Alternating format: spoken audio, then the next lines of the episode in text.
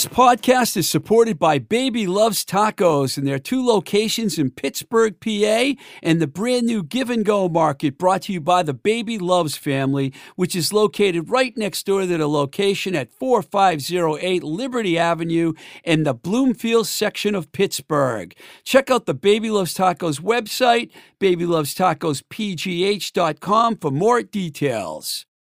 This podcast is also supported by Disorder Vintage. If you have any old rock t shirts from the 80s and 90s lying around, get in touch with Ryan, the main man at Disorder, at disordertracks at gmail.com or on their Instagram page at Disorder Vintage.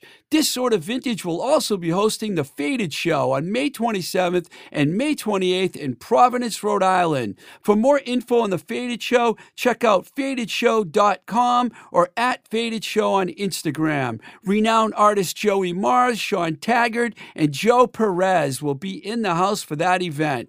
That's one you don't want to miss.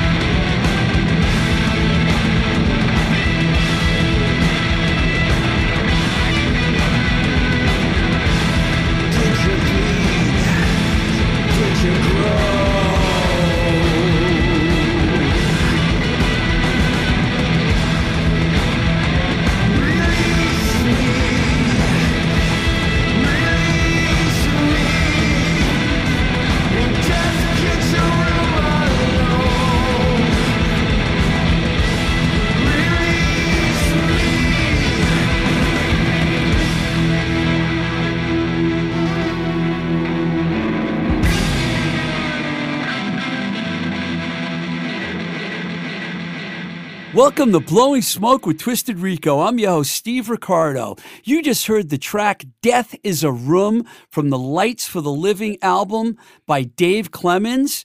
Dave and I spoke via Zoom recently, and even though we've been emailing each other and staying in touch over the years, it was the first time we actually had a conversation in person or by Zoom in a long time. It was also my first Zoom interview with someone in another country, which was really exciting. Dave is living in Berlin, and our connection was a little sketchy at times, so if it sounds a little rough around the edges, please forgive us, but it was worth getting him on the show because we've been friends for a long time. Our history started back in 1993 when I was working at A&M Records, and Dave played in a band called Damn the Machine, who were signed to the label by the guy who hired me to A&M, Brian Huttenhauer. In fact, it was Brian's plan to have me move into the marketing department to work some of our newer and more heavier bands at that time, like Paw, Therapy, Monster Magnet, and Damn the Machine. It wasn't a stretch since I'd done all that already when I was at Metal Blade, Giant, and Enigma. So Brian knew I knew a little bit about marketing. It's mostly all about getting the mom and pop stores around the country excited about new bands. And that's pretty much what I started doing there. When I met Brian, actually, years before, while I was working at Metal Blade, we were doing some of that type of work for Soundgarden before their first record on A&M came out. So we had a little history together. I have mentioned this before, but labels would come to us at that time, like RCA, Mercury, Geffen, to help us get the ball rolling on their new releases and their new bands that they signed, which were like, you know, Little Caesar, Circus of Power. I'm remembering these off the top of my head right now. And uh, Soundgarden, Jane's Addiction, bands like that. So back to Damn the Machine. Before long, I found myself on this six week tour with these guys while they were supporting Voivod. Clutch was on some of the early dates, and then a band called the Big F later joined us as an opener.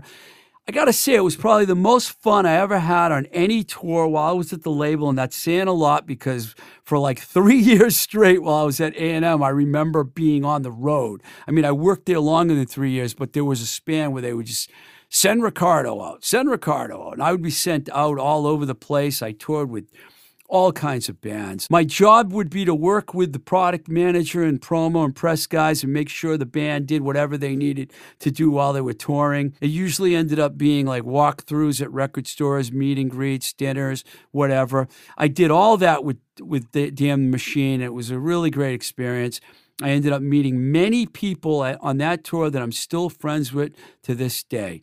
So my memories of Damn Machine are really good. I did see Chris Poland a few years back, the guitar player of Damn the Machine, who you might remember as the original guitarist in Megadeth, when he was with his band Ohm, and he happened to be coming through town. That was great. And I hadn't seen Dave since Judd played at the Linwood Grill, I believe it was, in Boston around 1999. So, anyway, here I am talking with Dave Clemmons via Zoom, and please enjoy the interview. Hello, Mr. Clemmons. Hey, Steve, what's up, man? So before we start doing this interview, I want to tell everyone out there you're in like you're in Germany. Where, where in Germany are you? Well, I, I, spent most of my time in Berlin. I uh, when I moved from Los Angeles, but we're we're right on the border. We're like uh, just just over the border, you know, a bit to the north of Berlin. The the border of Berlin. So, which is probably yeah. the biggest city in in Germany, along with like, is it bigger than Munich and is it the big? You know, I, I only know there's about four million people there. I don't actually know if it's the biggest city. I, I actually don't know. It is a big I, city. I we'll just say that. So, Dave, I wanted to talk to you about your great career, man. And I want to go all the way back. Uh, where exactly did you grow up, and when did you actually start playing music? Hey, cool. So, um, way back, man. Um, I grew up was born in Richmond, Virginia, you know, down in the South. Mm-hmm. And, uh, family, you know, from the mountains, the Blue Ridge Mountain area and all that. And I, I, feel really lucky about that. I could talk about that for hours, but um, to have those roots, you know, and um, good people, really good people, they remember you, you know. And uh, when I was, um, I was playing a lot of American football when I was a young kid, you know, into my early teenage years and stuff. And then there was a day uh, uh, uh, when a guy I was I was out delivering my newspapers because I it, we're a working class uh, family, and uh, if you wanted five bucks, you had to go get it. You had to work for it. and so we all had me and my sister. We both had newspaper routes. And from I don't know, I was like eleven or something. We were out there right. alone delivering newspapers at five in the morning, and uh, and I was delivering my newspapers one day, and Jeff Fugit, the the brother of uh, one of my sweethearts from the fourth grade, stuck a global strat copy out of his door and i can still see him standing there and out of his front door. Hey dave you want to buy an electric guitar? How and, old you know, were you when this happened? I was i was 13 13 and, uh, okay. because everybody knew dave's got money right? So if somebody wanted because he's delivering newspapers and, and i remember i paid him 45 us dollars and i was 13 and it was a it was a global tobacco sunburst strat copy. I mean, a piece of dog poo, of course. But I tell you what, Dave, you want to buy a guitar? And I said yes. I went home. My dad saw it and got mad at me. What the hell did you do? Buy a guitar? What are you gonna do with that? You know. And then at some point, my dad was trying to. we are trying to tune it. My dad playing a harmonica, and we broke broke half the strings on the first night. I think trying to tune it two and this idiots. Is, and this and, uh, is in the suburbs of Richmond, you said? Yeah, and this was in uh, uh, Richmond. Actually, I was born in the city of Richmond, but I mean, we always lived in the suburbs like Henrico, West End, you know, uh, uh the same, you know, not the inner city, but a little bit out. Well, that's how it all started. Yeah, one thing about Richmond that I remember is when I would be on the road with bands, like we'll talk about how I was on the road with you. I used to stay at the Jefferson Hotel in Richmond, which oh, yeah. to me was one of the coolest hotels in America. Yeah. I mean, it was a real old building, it had been there forever. Richmond was an interesting place because it was kind of like yeah. half the north and half the south, you know? It was mm-hmm. a very interesting place. It must have been interesting growing up there for you yeah of course uh, when you when you're born somewhere it's like so many people are lucky to be born into whatever western countries and all that. We don't we just don't realize it. And it was like being born in richmond. There was so much there like what do you want to do? Go to yorktown or whatever. And then for us it was just yorktown you know it was but for the rest of the country it was like something really special. And and to have that um and i always think about that because richmond really i mean it's really split politically like really yeah it is. and in a way. And and from my I mean, from my from my perspective, is I think the people there are quite quite good at handling it as well. They're quite fair of Southern hospitality. They're quite quite nice to each other. And at least in my circle, my family. I mean, and, yeah, I've um, been I've been the radio stations there, record stores, talked to yeah. reporters. I brought this band Jackopierce that was also on A and M, the label you were on, to a TV yeah. show once. I've been to a strip bar there. I pretty much did everything that you can do in Richmond that I can think of. Yeah. What was uh, like? I know the first band that people know you from is Ministers of Anger, but were you in bands before that? Yeah, I um, I had a slow start. I like to say, and I and I, I really felt that even when I was in. Uh, of course, on into Damn the Machine and all of that. I really kind of had a sm- slow start. I started when I was 13. I could play, I could play songs. Um, I played in a bunch of cover bands in Richmond, moved to Los Angeles in 86 and had um, uh, just, yeah, I was just noodling around, I would say, for, for a few years. Not really, not really, um, yeah, from 86 to 87, just kind of learn and practice and learn and practice and, you know, uh, getting the recycler every two weeks whenever it came out, the secondhand paper where you would look and, you know, you find, you know, drummer available, uh, Seeks band with label interest, lockout studio, long hair, and transportation a must, and all of these uh, these things. And we noodled around a little bit, and then and then I don't know. There was a guy named Ray Roche. He plays in a tribute band, and, and I remember me and Steve, my Judd buddy, we went to him. We would jam with him in his little place in West Hollywood. He had egg crates on the wall, all that drummer. And at some point he said, Man, you guys have been coming here for months and you still haven't written a song. And it clicked in my head. I'm like, you know, right, we're just coming over and just jamming riffs. And there's never really been any development, right? And then I started to like think, okay, right, songs, I have to write songs. And so then I got a drum machine and a four track and I was at home in my bedroom and and I made up all these songs. And that's where the Ministers of Anger stuff came from. And uh, we were in the practice room. And right around that same time, um, I had met a series of people that led to meeting Dave McClain, drummer, Machine Head, you know, uh, yeah, Ross Robinson, uh, Dino Cazares uh, from Fear Factory as well. They were all practicing right next to us in a place in, in Playa del Rey. There were two rooms. There was a window in between. We could see each other. We wow. Like, Damn, they're pretty. And we were like, man, they're pretty good. They're pretty so good. I was going to ask you. I was going to ask you where you lived when you moved out to LA. Was Playa del Rey?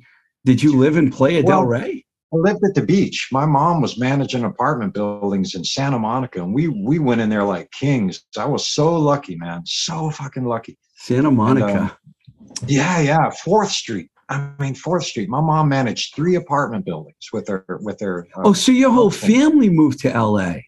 Well, my mom went back and forth, and so when I went there in '86, it's because my mom and my sister were there. My sister's boyfriend broke up, and she called me and I was 19. And she said, My boyfriend broke up with me. I don't know how I'm going to pay the rent. And I was, I'd been out of high school for three months.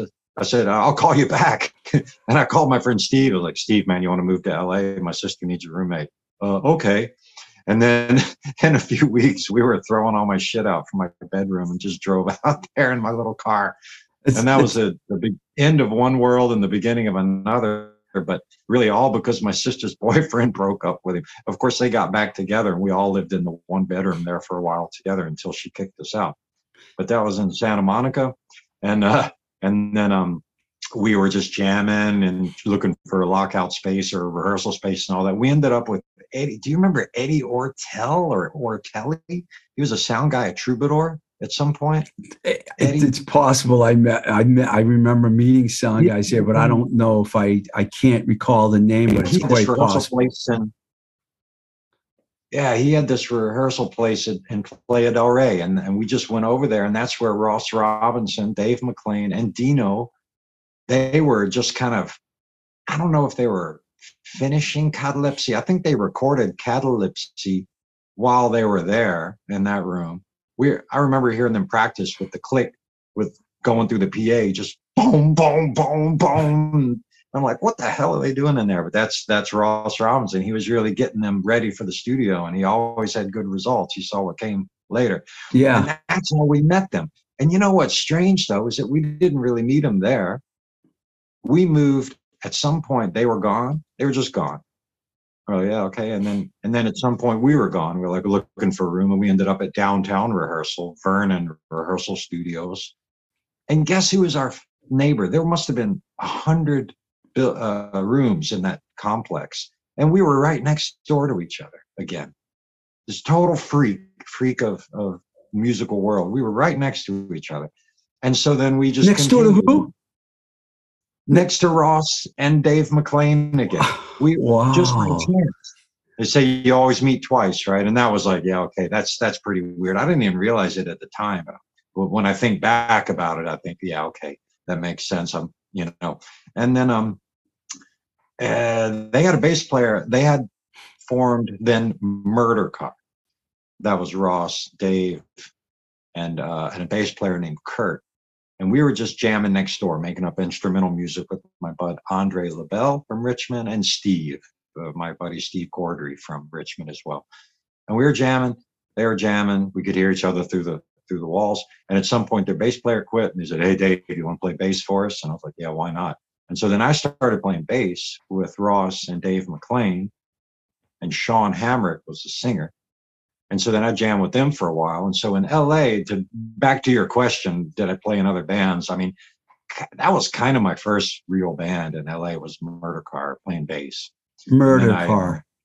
Yeah, and that and that uh, I just I just put a live concert video from Jezebel's Anaheim up from 80, 88 or 89. Um, I just put that on my YouTube channel. It's pretty interesting because it's it's really old. I mean, that's God, what is that? That's 30, God, 30 plus years old. I mean, so where yeah, does Ministers of Anger fit into all this? And that was that was just the stuff that I was making in my uh, in my bedroom, right, with the drum machine. I told you about it. Yeah, you, drum later. Probably worth a fortune now. I sold it for a couple bucks, and I said, uh, I want to go record, record, you know. And Ross said, Well, why don't you ask Dave? I'm like, okay. I asked Dave, and I and I'm pretty sure I gave Dave two hundred dollars, and he recorded like on two different or three different sessions for me. Like, That's a good deal. You got your money's worth. I tell you that I don't think I've ever got that value on the dollar since then. And uh, and um yeah, and uh, and uh, man, was he good! And I, I can remember I was an idiot, man. I was like playing Dave McClain Okay, but then Dave McClain wasn't, and you know, it was '87. We were yeah. kind of all kind of starting out. Nobody knew where anybody was going. That Ross Robinson was just this guitar player guy that was a vegetarian that came across as kind of weird to people and stuff because he was so detail oriented about certain things and some things he didn't care at all about. And so I was playing these my EMU drumulator drum machine parts for Dave McClain. I'm like, you know, kind of like this, man, kind of like this. And he was just trying to be polite and like, okay, yeah, I'll, I'll figure it out. I'll figure it out.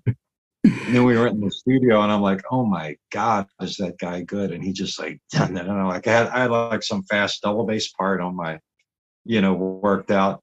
And then he just did this like Bonham groove or something straight through all this stuff. And I was like, oh my God, this guy is amazing. And I was just blown away. And so then I played the bass and did all the screaming. I'm not going to say vocals, I'm going to call it screaming. And um, screaming with words.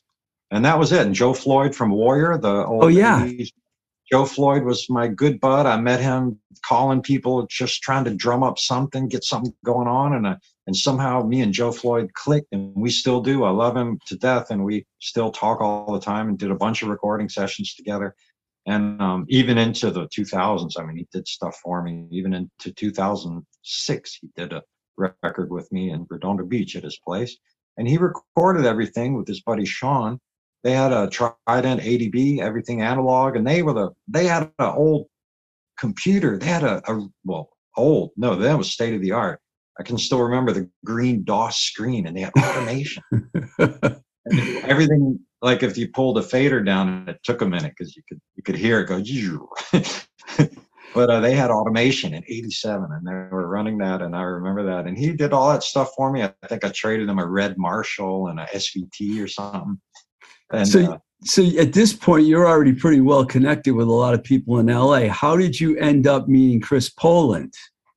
Yeah, um, and and then again, uh, when I think back, I think about man, I am glad I made a couple of these little you know turns on the street, walking this way or that way, because it's all it's all connected. Because what happened was, um, me and Ross really clicked, and he lived in my flat. So did Dave. I mean, we were all living in that one bedroom, uh, a new, a different one bedroom in the same building. I told you about my sisters, but it was it was pretty cool. Uh, Ross was behind the couch, and Dave was in the closet with his girlfriend.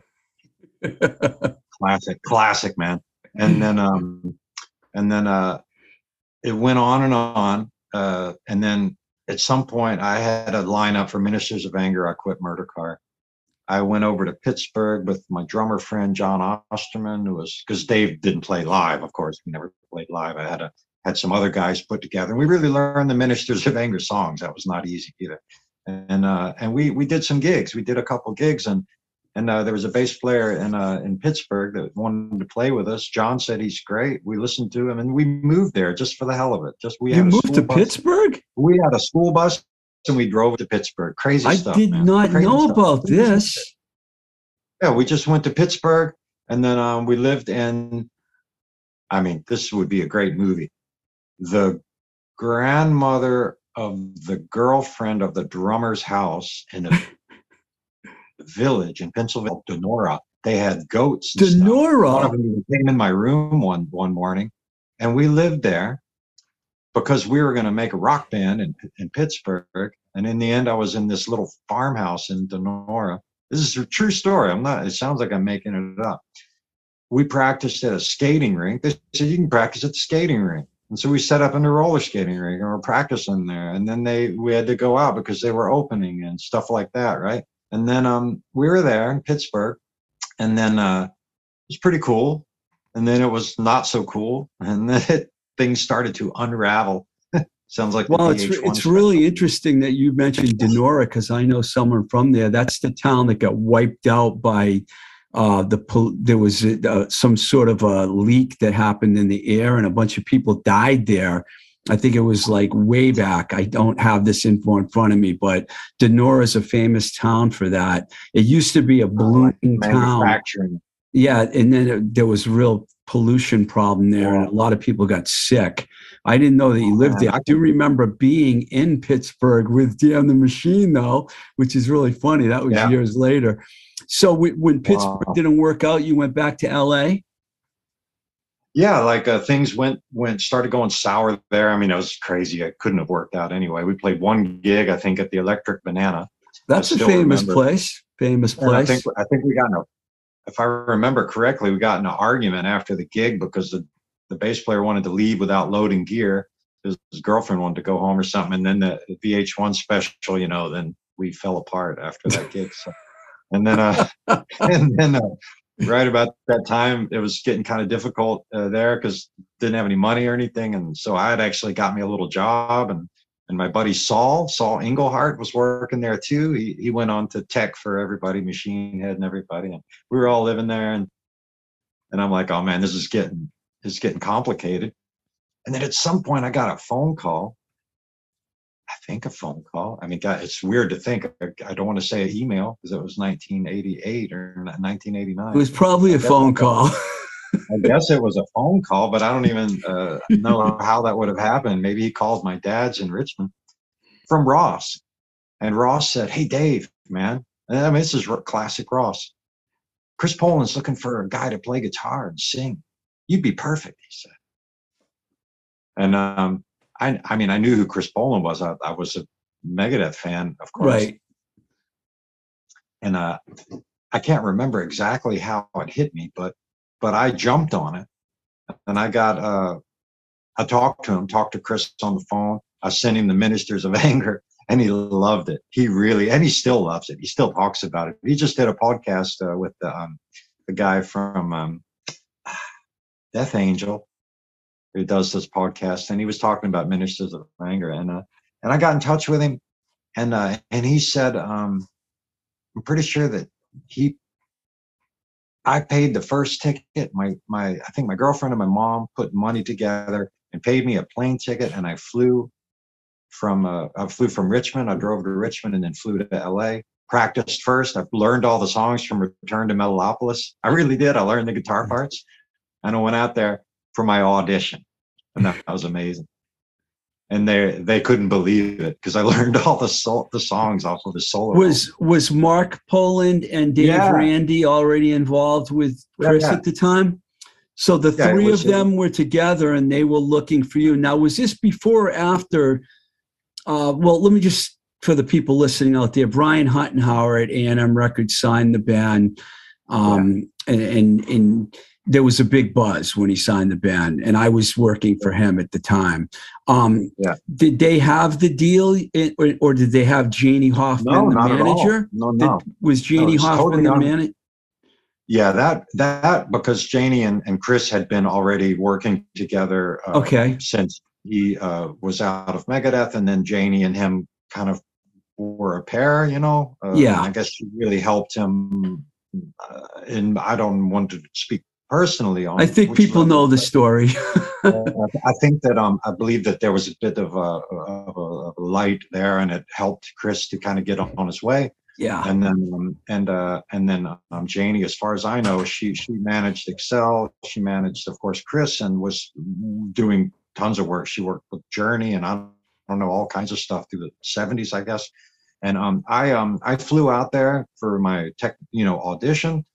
My um, uh, went into their room there and they were a three piece they were already you know performing as an instrumental and i think dave Randi would even sing wake up dead uh, wake up dead.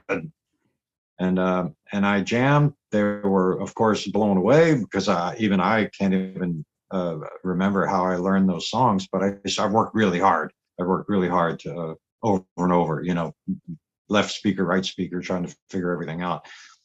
And then um and then we jammed and man we wrote a song i'm pretty sure we wrote a song on the first session and then what happened was um i had to go back because it was a i bought a round trip ticket you know i didn't live there anymore in, in la and then um I um uh, I'm pretty sure it worked. That Chris said, "Man," uh, he told me he said, "Get back to you, whatever." And feeling was good, and he said, uh, "Man, we really want you to come back. I'll buy the ticket this time." And so he bought me the ticket to come back, and then then we made it solid that I would join, and then um, uh, uh, and then I moved back, and I actually moved back, got back with was back then with my old girlfriend because I had the girlfriend there at the time, and then um actually I think I moved back into the same apartment. I'd given it to my girlfriend and left when I went to Pittsburgh. Right. Came back and then uh, kind of solidified that band, us four as a four piece. And then um, the name and everything came later. It was my name. I came up with the name, and um, and then Janie uh, was the whole time, uh, as far as I remember, very very um, active with the band. She, I mean, when I joined with Chris, Mark, and Dave, I joined an kind of an organization that was yeah, very good organization. Yeah, very very was, good organization. Was, but the um, but musically, I would say because a lot of people, when I when they discover me, they think, oh, we never knew you're you had such a, a impact on that band or whatever. But when you listen to the music, kind of mine, theirs, and everything, you can kind of hear the who had a little bit of influence, which direction. But but in all honestly, it was definitely a, a great thing that I could join with them because it was really professional. I could we practiced often, you know, regularly. You shouldn't be late you know, all of that. Like I remember Fishbone. You remember Fishbone? Yes. They used to get they, they used to have to pay a penalty fee if they were late they had like a, a, beer jar or something like that, and they were serious about that. They had to, they had to pay like fifty dollars or something if a band member was late to practice. They're in the same room, uh, same building as us down there, and um, yeah, and uh, and that was that was kind of like to to try to get to that point of your question is that's kind of like how all, all that came to be, and I mean, you couldn't write it. It's a crazy series of events. But I mean, all band formations usually have some kind of a this person met this person, went here, and. Do you do you remember when how long it took to get the deal with A and M? Um, well, if I look look back on the timeline, um, I know that we we actually released the album in in '93. Yes, and and we, I went in '91. We were writing songs. Uh, and did Janie did Janie like just all of a sudden come to you guys and say A and M just made us an offer? Is that how it went down? Well, we we had a few different things going on. We we played a couple gigs. We did like a showcase gig at the Cat House, which was awesome. Oh yeah, I think yeah. And then we played at the Green Door. Tom Araya from Slayer was there. That was really cool. Uh, we did a couple show, showcase gigs. We had uh, recorded. Uh, I had, I had done the demo recordings in the room, and that's what we just released. The day one recordings. Uh, th- those are the demo recordings that I did, and we had been sending those around to people. And if I remember correctly, MCA offered us a deal first.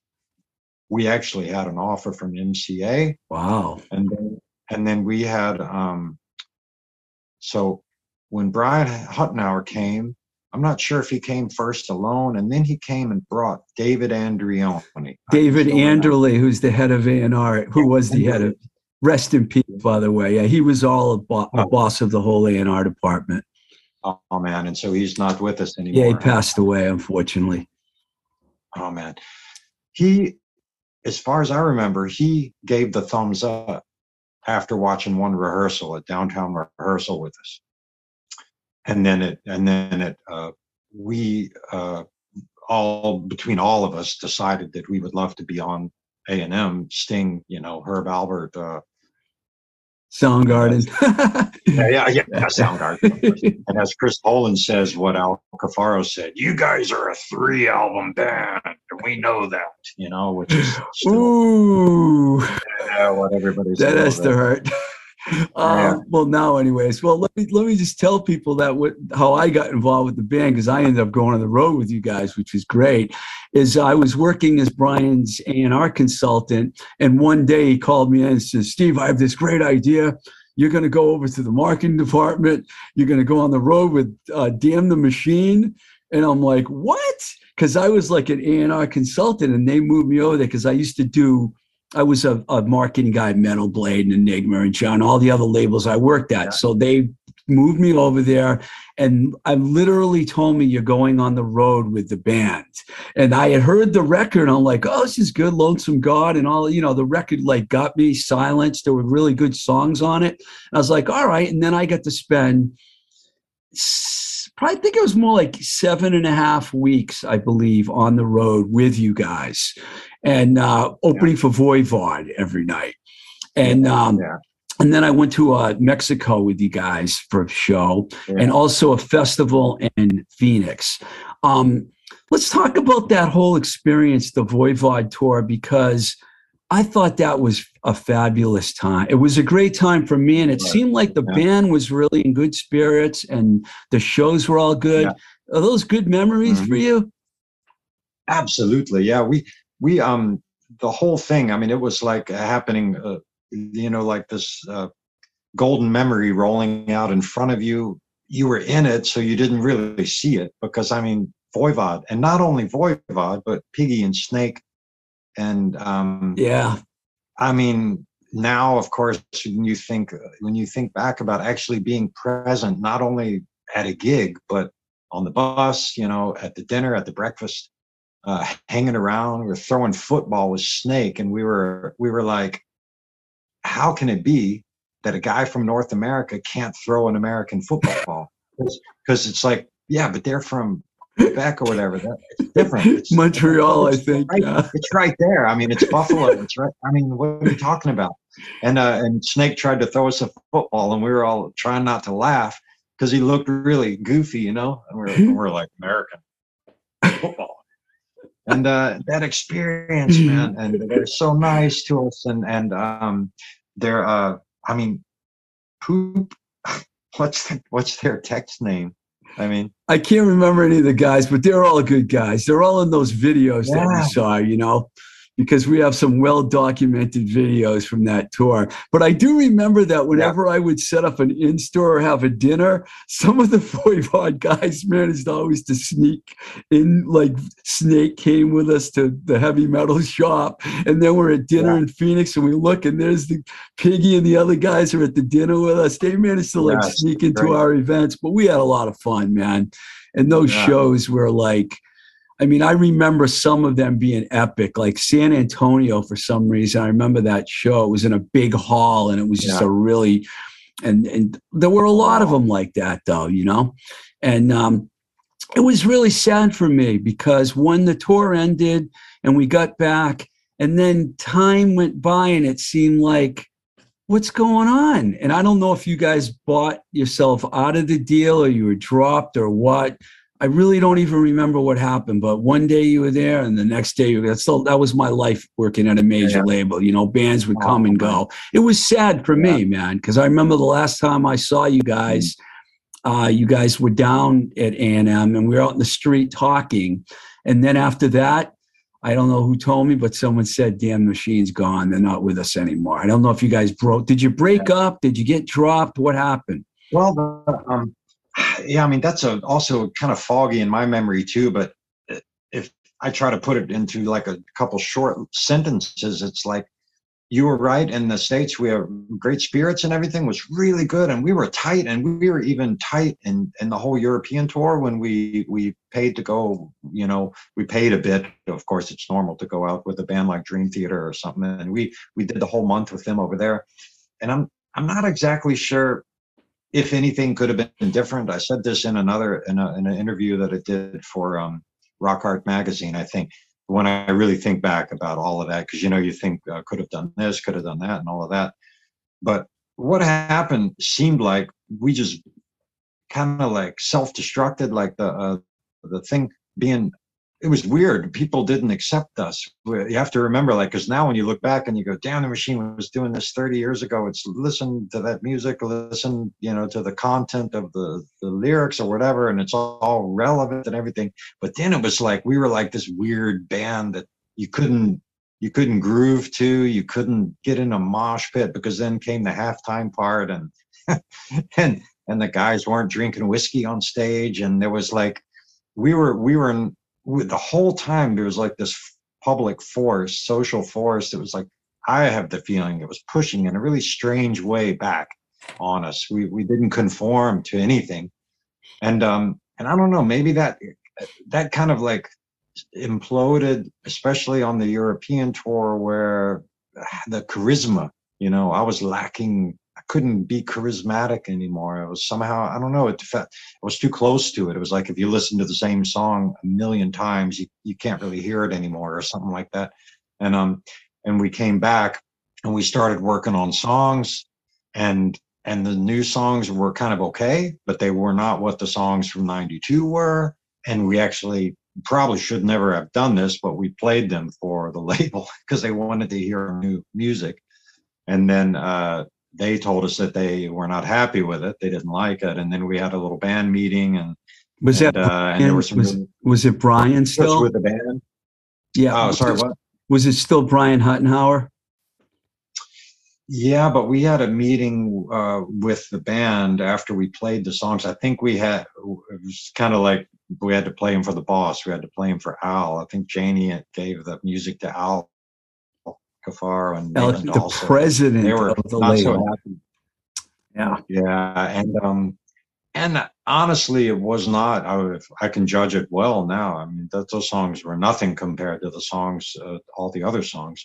But the um, uh, we had then a band meeting with just the four of us and and it was fair that was everything cool but but uh some some conversation how the conversation was going and stuff like that It was pretty much coming towards me everything coming towards me i was the guy in the middle you know making up the words and singing the notes and kind of like the focal point of everything and uh and so a lot of it went came on my shoulders and i was at just felt like, you know, I have a lot of creativity burning inside of me, and I felt like I wanted to do so many different things. And I just really said that other stuff and other things. And I don't want to, you know, try to get myself as a, straight as a front man for this band. I didn't, I didn't have the desire anymore to, to go that route. Um, and although now when I think back, like what a fucking idiot I was, you know, uh, I should have really just done everything possible to make to continue that, but then it probably wouldn't have continued anyway. But now, like I said in the rock hard interview, probably letting fate play out the way that it did was all cool because now we kind of well, what kind of happened without us trying was that we froze that in time. And three decades later now, we can come back and everything's still pure. We don't have all of these weird things that happened because the band was breaking up but still trying to play or something. And it's like it just stopped. Like what you heard it just stopped. We were gone.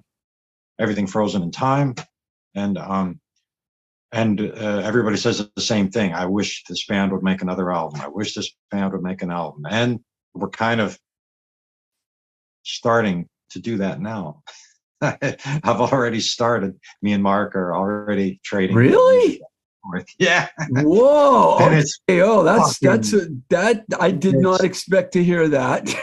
and wow. It's, and it's so fucking good that it's frightening that I don't want to talk about it too much because I don't know. I don't know how far we can make it go. I don't know.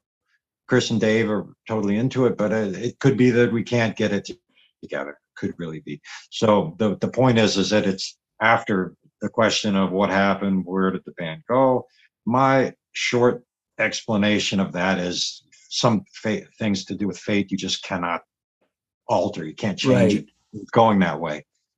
And at least um, that everybody, uh, we even had in our contract. Uh, uh, oh yeah, the technical part of the contract is yeah, we we we um, technically got dropped.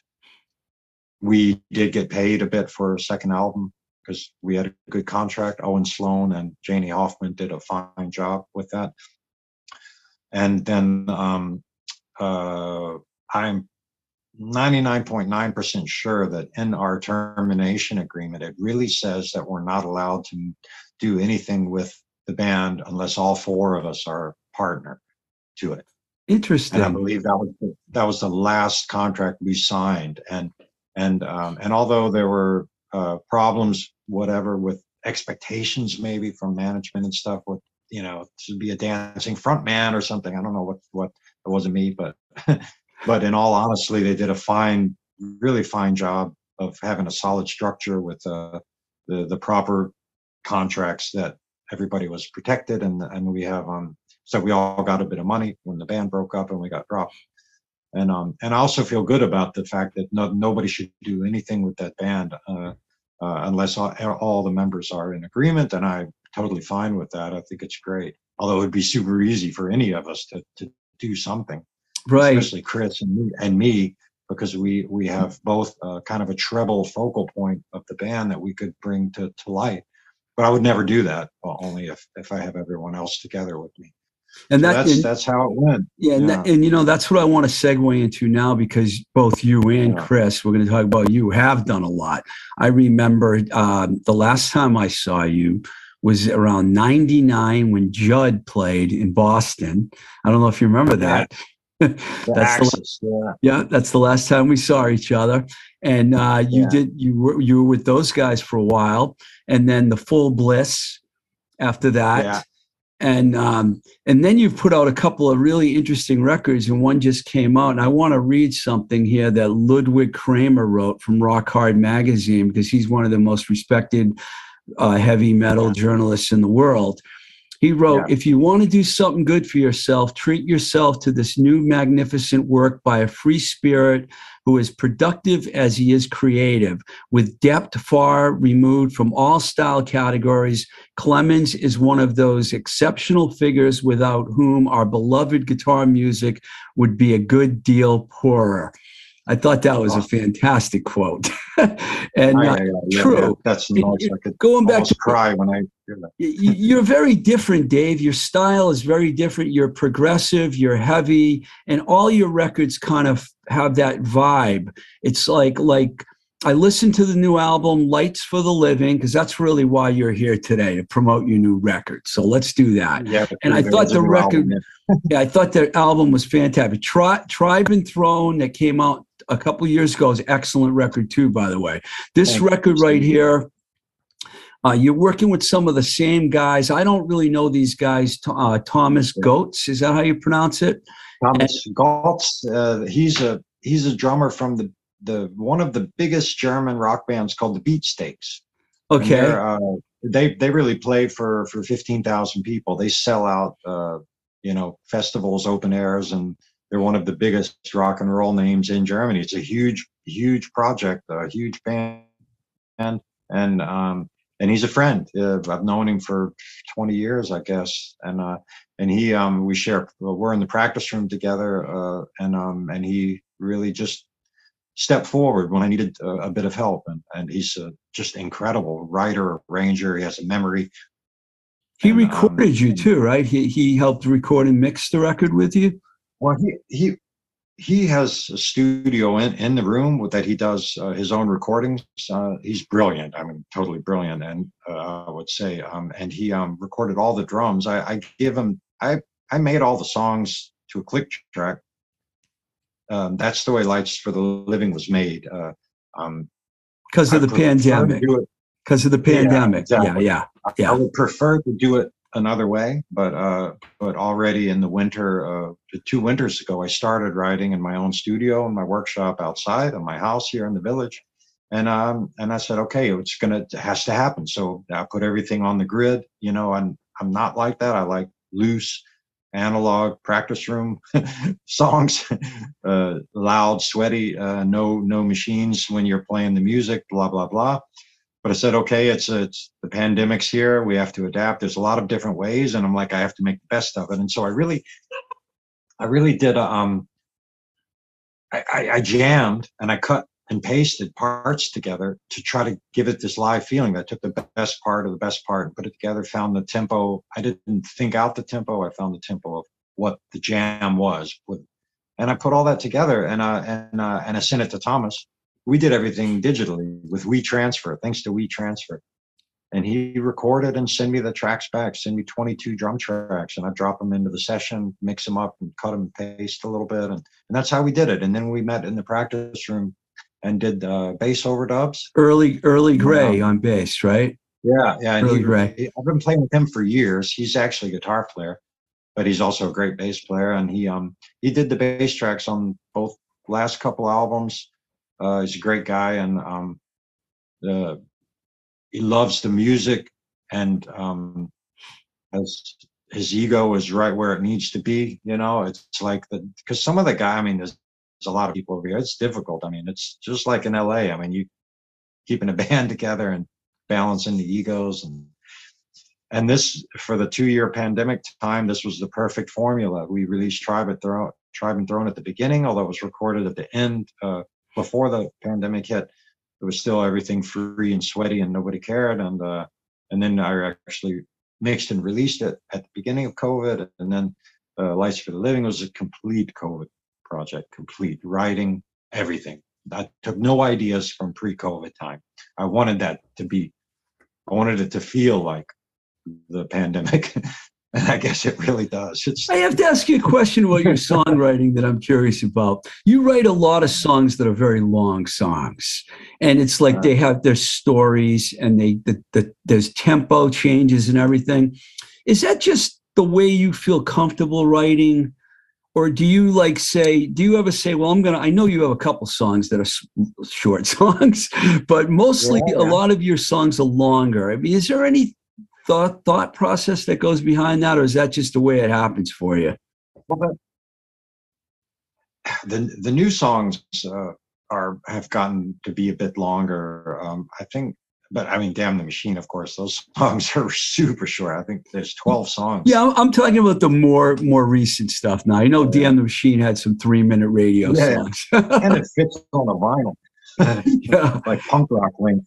Yeah, but the um, I mean, my concept of songwriting, I, I would love to say, you know, I have a vision and it's going to sound like this and then start writing. But honestly, I have to go back and say what a lot of people that are long in the business say is that I really, and I honestly believe this, I really feel like that my job as a songwriter is just to be a, a, a transfer a transfer of of this energy. It comes, it's well, I don't want to say it comes, it's there, it's there somewhere. I grab it or it grabs me and uh and I box it up, you know, and then I and then I put it on the shelf for the other people to to see and hear. I from part to part, the songs uh, they tell a story themselves. They ask where they want to go. I say it even when I'm writing with other people. Where does it want to go? Where does it want to go? Think about the Guns N' Roses song, Where Do We Go? That's where that lyric came from, by the way. Where do we go now? he didn't know where it was going. And um, the song wants to go somewhere. It, it asks. And um, uh, if you force it, uh, Mark Poland always said that uh, we're beating a dead horse with this one. So time to leave it, leave it alone. You know, there's um the song has a life. It's a it's a its own energy, its own little embryo, and you just have to kind of make sure that you don't fuck with it. You have to make sure that it you put it in the right way and let it kind of go fly on its own. And and um, and that happened on the last albums where I'm like, I mean, the part is going here and then it goes there, but it has to do this, it has to do this, and it has to do this. And next thing you know, I'm at 11 minutes and 36 seconds. These are and, your uh, and that that that particular song. Yeah. I'm sorry. I was going to say these are your words, uh, which I love. A reflection of our position in time from 2020 to 2022 as the beautiful possibility of humanity upon a speck of sand in an unmeasurable universe continues to test itself. You're a real wordsman, my friend. I got to tell you, man. And the song that, you know, I listened to all the songs and then I went over, I wanted to go back and revisit them last night. And then I realized there, I like the album a lot, but there's a, there's a masterpiece on this, this record, Berlin. And, you know, I, I ah, asked you like the lyrics, you sent me the lyrics and I read it. Yeah. Uh, you'll speak for the strong, speak for the weak. Your dreams are over. You'll overload. You'll overcome experience. What were you thinking when you wrote that? um, trying to get words that sound cool. does it really mean what all anything? rock and rollers try to do? No, does, that, does it mean? I, I, sent you that email, right? Because I'm uh, today about those lyrics when you asked for those lyrics, because um, the the original title of that song was Berlin, and then I changed it to Experience, and then in the end, right before releasing the album, I said, you know what? the title of that song is Berlin, right? When I when I first moved here, um, I was uh, as all Americans that moved to Germany, discovering that free alcohol can be a good thing and a bad thing. uh, uh, and I really, I really was uh, for the first six years that I lived here was really overdoing it, and it got got to be quite bad. And um, there was a lot of uh, a lot of bad and a lot of good that happened in those first six years in my life, speaking for me personally, between 2000 and 2006, Berlin's a wonderful place to be. No limits. You could do whatever you want. You could walk around all night. Everybody was just drunk and doing whatever. Three hour concerts, everything. Nobody cared. It was a good time.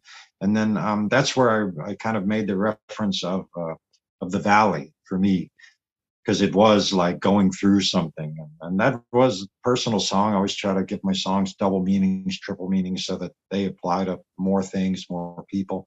But um, those lyrics do have a lot to do with my own experience of coming and going through a dark place and trying to pull myself up out of it, giving myself a pat on the back. And you're going to do it. Just keep in mind that you're learning uh, from experience and you need to um, uh, do exactly that. You need to learn from experience and not just let it hit you and bounce off of you. You need to really suck it in and, and, and let it uh, change your behavior. And, and so in 2006, I actually became sober and I've been sober for since then. Uh, and, um, and that was wow. a good thing for me.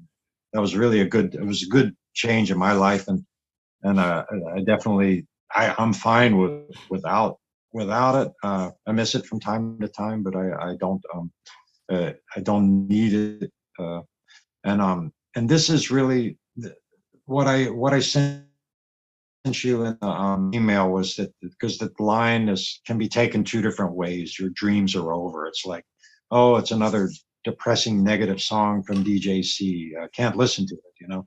But actually, uh, what I thought about by using that line, because I didn't want to use it if that was all it was. It's too simple and it's just terrible. Because uh, dreams are everything. But then uh, I had this this con- this uh, uh, what do you what do you call it? Uh, um, uh, epiphany. Epiphany. Yeah, I can never remember uh, that. Um, if you actually achieve a dream, then it's reality, and it's no longer a dream. So technically, your dreams are over because you actually achieved your dreams and you brought them into the light of day, and they're part of your reality. So so then you can dream about something else. And so actually, I thought when I thought about that, I thought, man, that's a cool uh, way to, to take that line. Your your dreams are over. You know, is that okay? Then you will overcome it. You will get through it, and you will actually achieve something greater.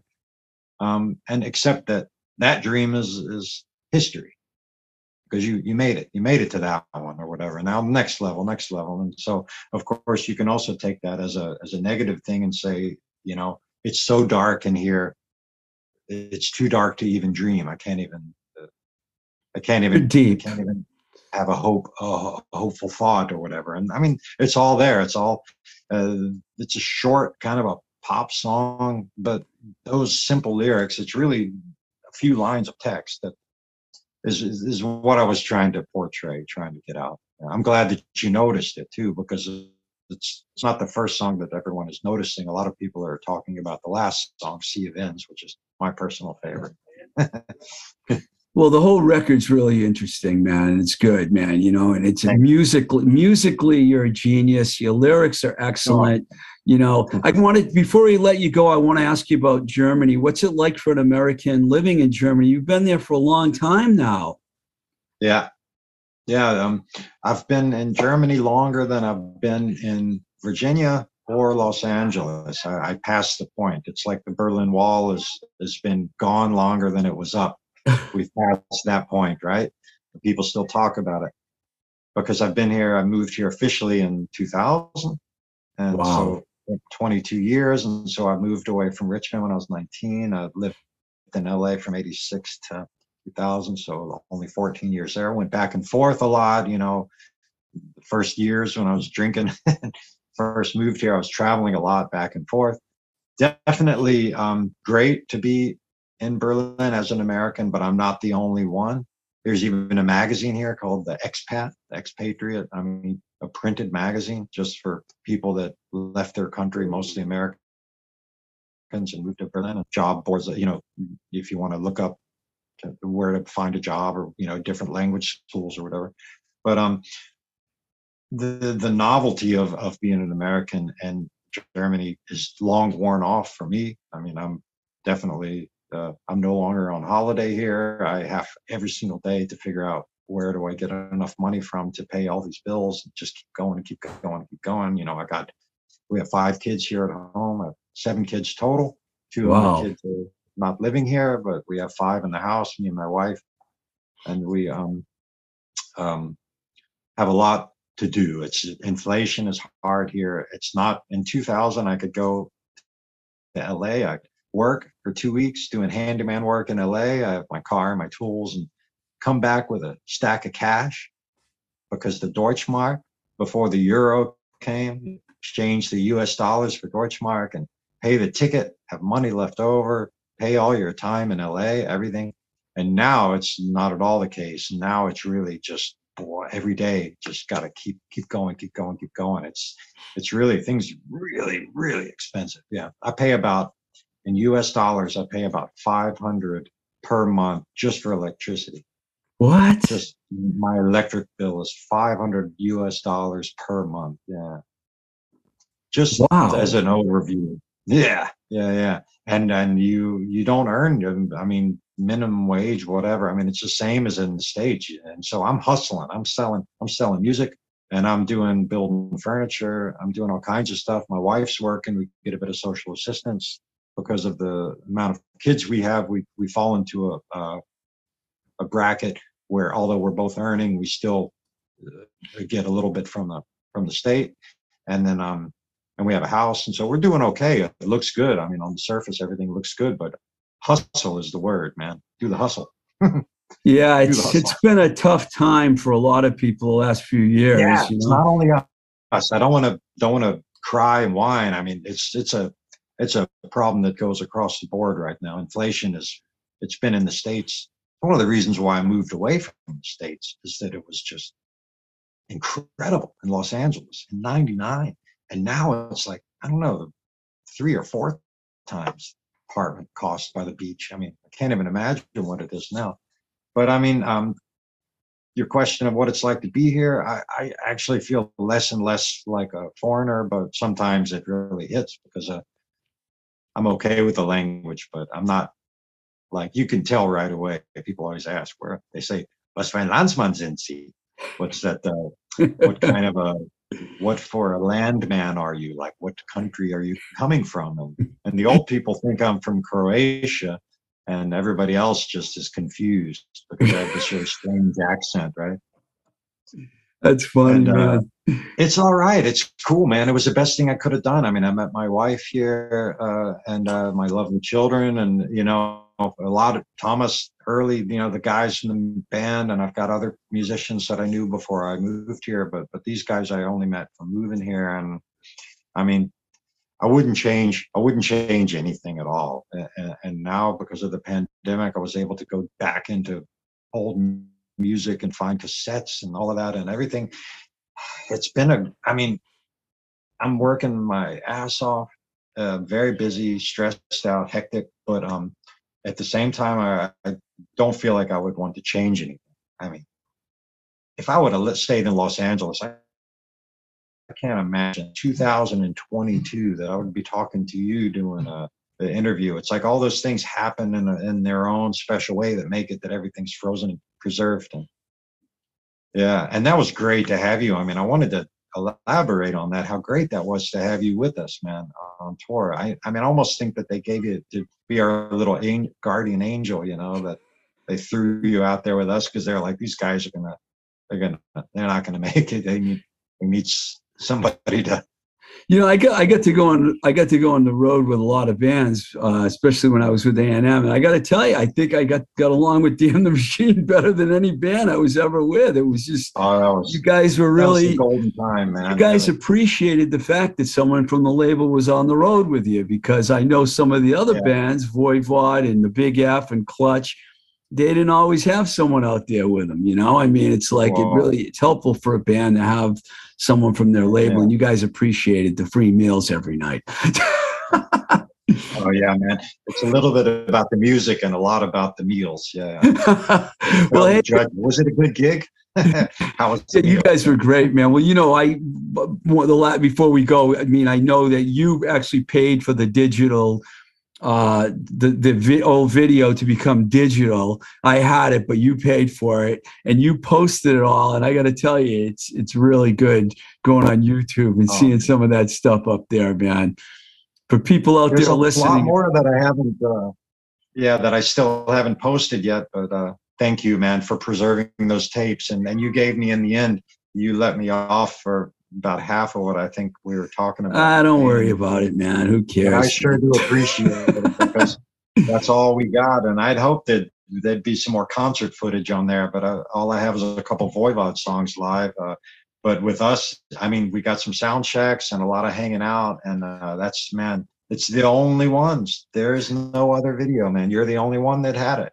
I think so the reason why there's there's not any footage of you guys doing i think i did have well that was sound check in salt lake city the problem was that i had all these people that were coming to the show yeah. at to entertain every night whether yeah. it was writers or radio people or, or retail or whatever polygram people you yeah. know and that's probably why i wasn't out there with the camera for the whole thing you know but i'm glad yeah but some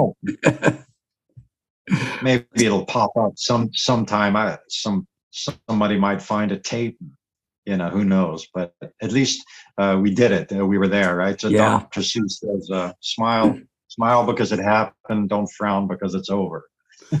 well, listen, man. Good luck with the new record. I love it. I'm going to be playing a couple tracks on my show. So, and um, and thanks Wonderful. for taking the time to talk to me, Dave. Yeah, it's a highlight of the year, man. To see your face and talk after all of that time, man. yeah, I really appreciate it, Steve. And uh, good all luck right, with man. the program and See you soon, man. Thanks a lot, buddy. Thank you. All right, that was really nice catching up with David Judson Clemmons. As an extra treat, we're going to end the show today with the song Berlin, which is also from the Lights for the Living album, so stick around for that.